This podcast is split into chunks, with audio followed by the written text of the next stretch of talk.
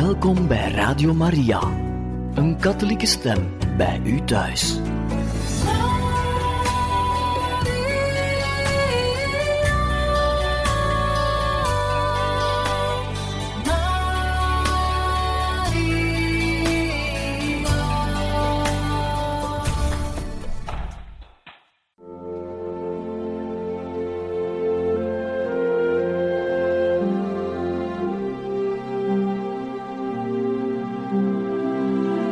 Beste luisteraars van Radio Maria, welkom bij het programma Catechismus.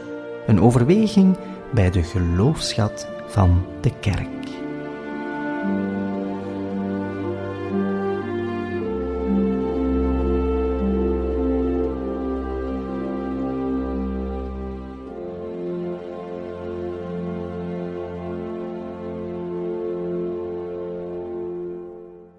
Van harte welkom, beste luisteraars van Radio Maria, bij het programma Catechismus.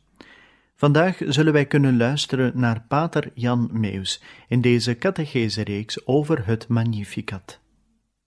Zusters en broeders, bij deze catechese over het Magnificat wil ik u ook nog een keer uit het Gregoriaans het Magnificat zingen zoals dat klinkt op wat men dan noemt de achtste toon. Weer een andere melodie, maar heel feestelijk.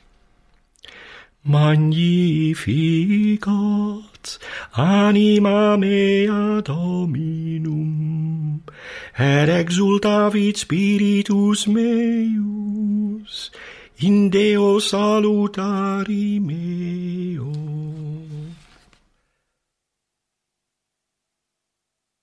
We gaan nu hebben over het laatste stuk van het Magnificat, de laatste versen, waarin Maria het heeft over het volk van God, Israël.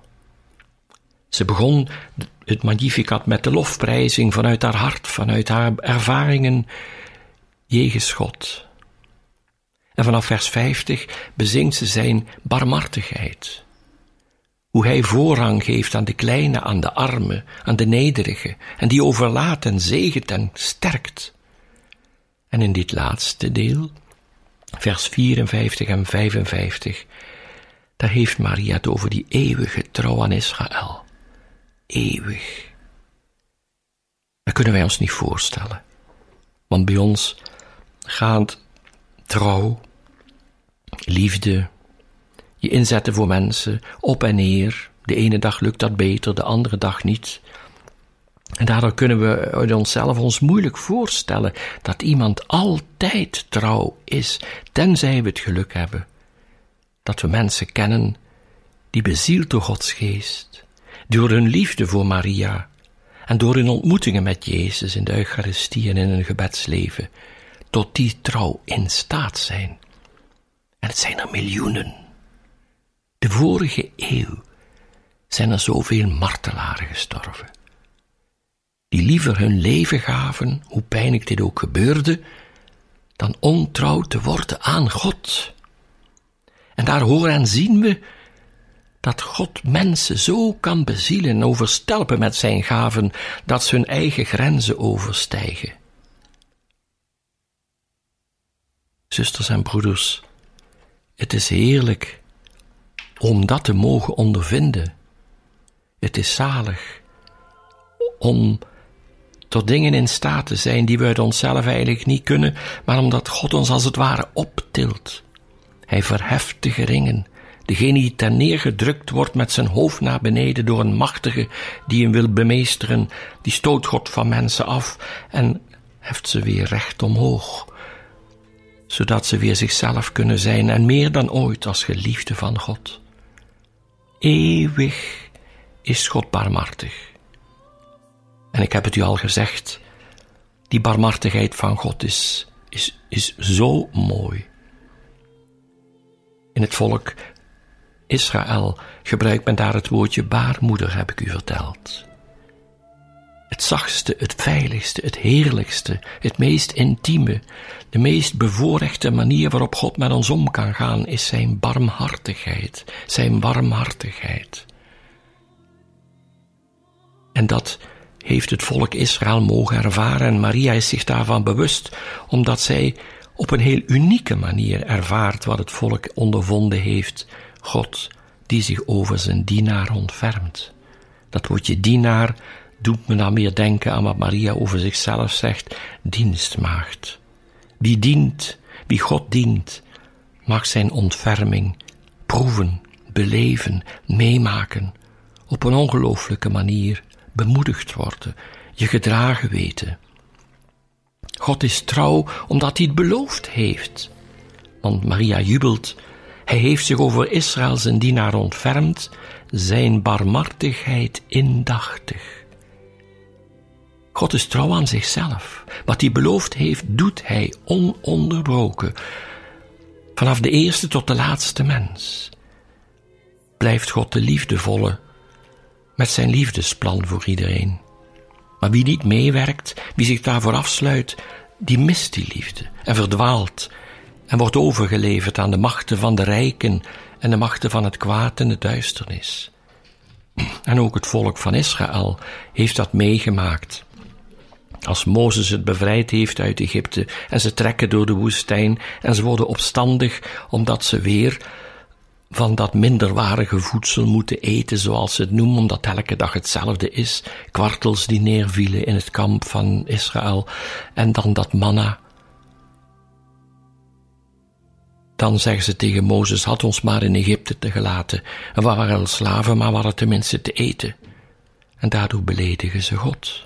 En er komt een slangenplaag, want God moet zijn volk straffen om het tot nadenken te dwingen, als het niet vrijwillig tot bekering komt. Het volk van Israël beseft dan pas weer, als ze de pijn voelen, we hebben God beledigd. En dan moet Mozes van God een slang op een stok maken, een bronzen slang, en degenen die door slangen gebeten zijn, moeten vertrouwvol naar dit teken van God opzien en dan genezen ze. Weer is hij barmachtig, weer ontfermt hij zich over dat volk, dat door eigen schuld in de miserie is geraken, want ze hebben een verbond met God verbroken. Het Oude Testament gaat over het oude verbond, dat God sloot met de mensen en vernieuwde bij Abraham, bij Mozes, maar dat definitief vernieuwd is door Jezus. En ook vandaag zijn er helaas gedoopte mensen die christenen hadden kunnen zijn, die dat verbond niet beleven. En dan klaagt de wereld dat er zoveel ellende is, treinrampen, vliegtuigen die verongelukken, bosbranden, aardbevingen, overtollige regen en noem maar op. En toch, dit is niet voortgekomen uit God, want als Hij de schepping voltooid heeft, getuigt de Bijbel uitdrukkelijk, en hij zag dat het zeer goed was. Het was zeer goed wat God tot stand had gebracht. Maar door de ongehoorzaamheid van engelen en mensen ontstaat er een wanverhouding tussen Gods plan en de plannen die mensen en engelen maken. En zo zijn er gevallen engelen, en zo zijn er zondaars op aarde, zo zijn er mensen van kwade wil, die anderen willen vernietigen. En God blijft barmachtig uitzien naar de verloren zoon, tot hij terugkeert. En we weten door het Nieuwe Testament hoe God van de grootste zondaars heilige kan maken. Een voorbeeld dat ik u reeds gaf, is die ene die wij de goede moordenaar zijn gaan noemen, Dismas. Die hangt aan het kruis omdat hij gestraft wordt voor zijn grote misdaden, maar onder de indruk van Jezus gedrag en liefde zegt, Heer, denk aan mij wanneer ge in uw koninkrijk zijt. En zegt Jezus, vandaag nog zult ge met me zijn. Een ander indrukwekkend voorbeeld van hoe God zich kan ontfermen en barmachtig is tegen zondaars is als Saulus met papieren van de hoge priesters naar Damascus trekt om daar christenen gevangen te laten nemen. En door zijn toedoen waren zelfs al christenen gedood. Onder andere Stefanus, die wij vieren op tweede kerstdag. En hij gaat naar Damascus, maar Jezus grijpt in. Hij verschijnt aan Saulus. Saul, Saul, waarom vervolgt gij mij? Wie zijt gij, Heer? zegt hij. Ik ben Jezus die gij vervolgt. Jezus vereenzelvigt zich met de nederigen, met de terneergedrukten, met de vervolgden, met de martelaren. Wat gaan een van de minste van de mijnen gedaan hebt, hebt gaan mij gedaan, leert hij aan Saulus. Wat moet ik doen? zegt Saulus dan tot Jezus. En met een bijna hemelse humor stuurt Jezus Saulus naar degene die hij wilde gevangen nemen en uitroeien. Ga naar de stad, zegt hij. Daar zal men u zeggen wat ge moet doen.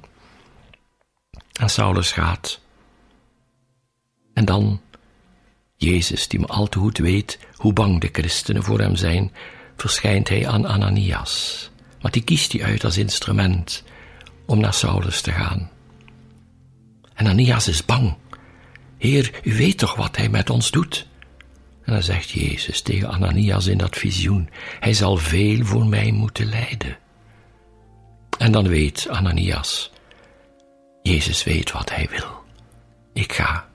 En het ongelooflijke is, en wat mij ontroert als ik dat dan lees, het eerste woord dat Ananias na het visioen, na de ontmoeting met Jezus, tot Saulus zegt is, broeder.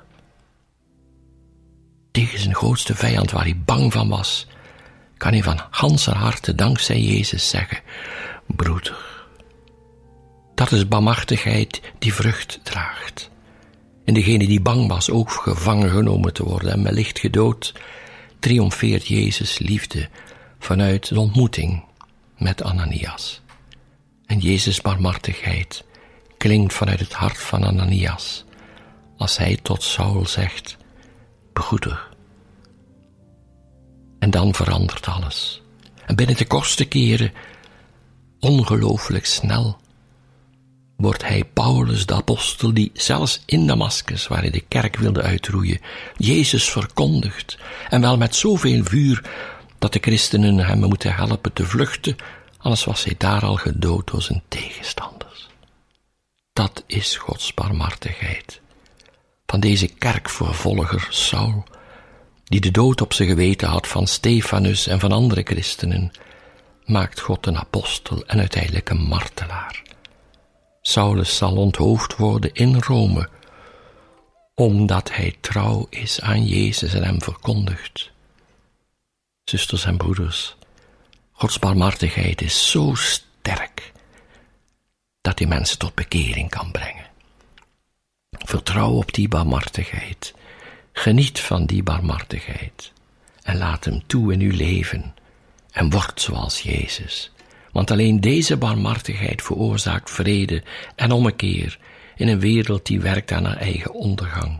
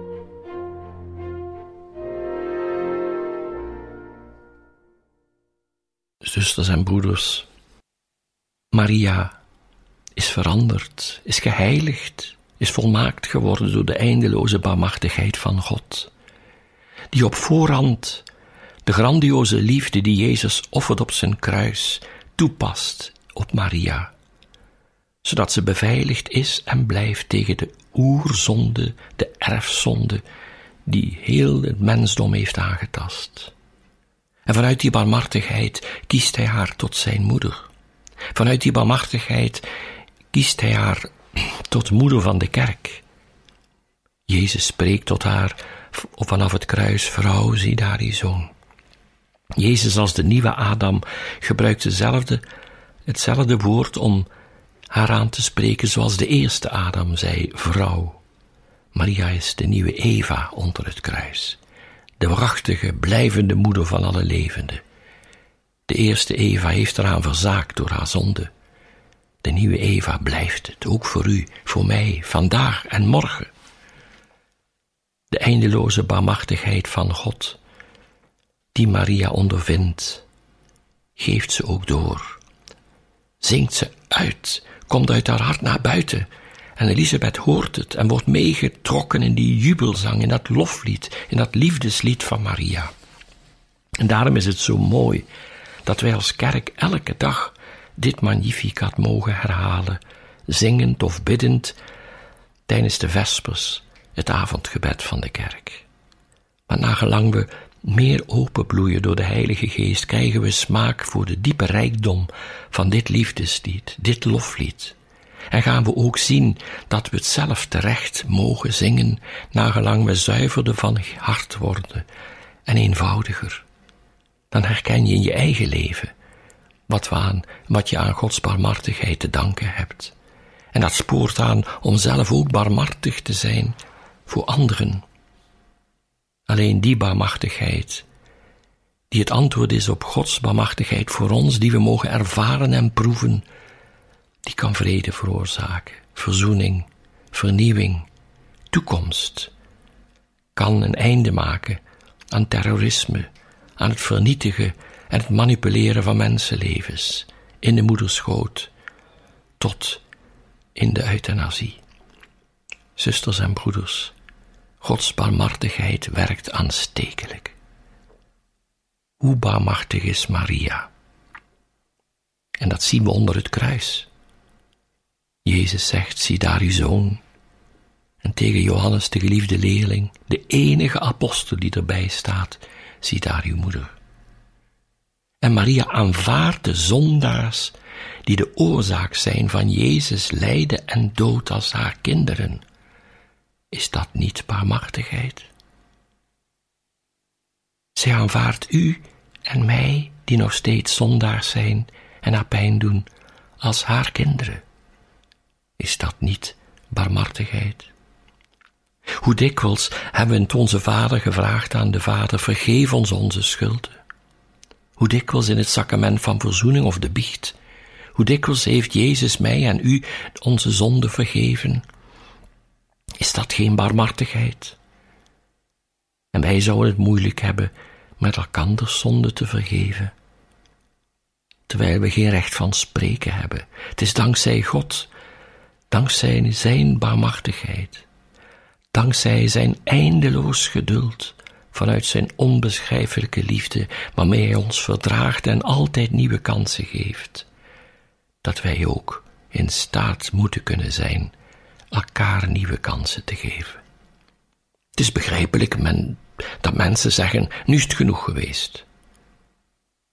Maar als het vanuit God is, is het nooit genoeg.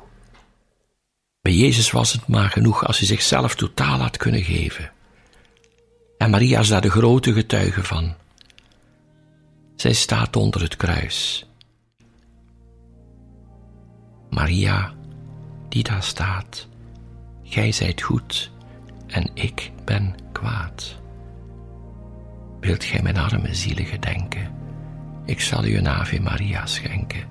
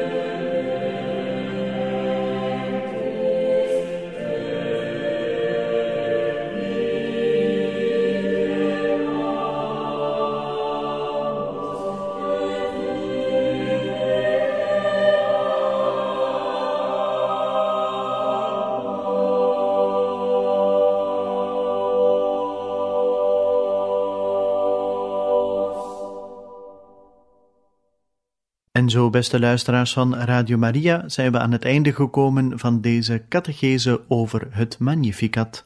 Van harte dank voor uw luisterend oor en we wensen u nog een bijzonder fijne dag toe.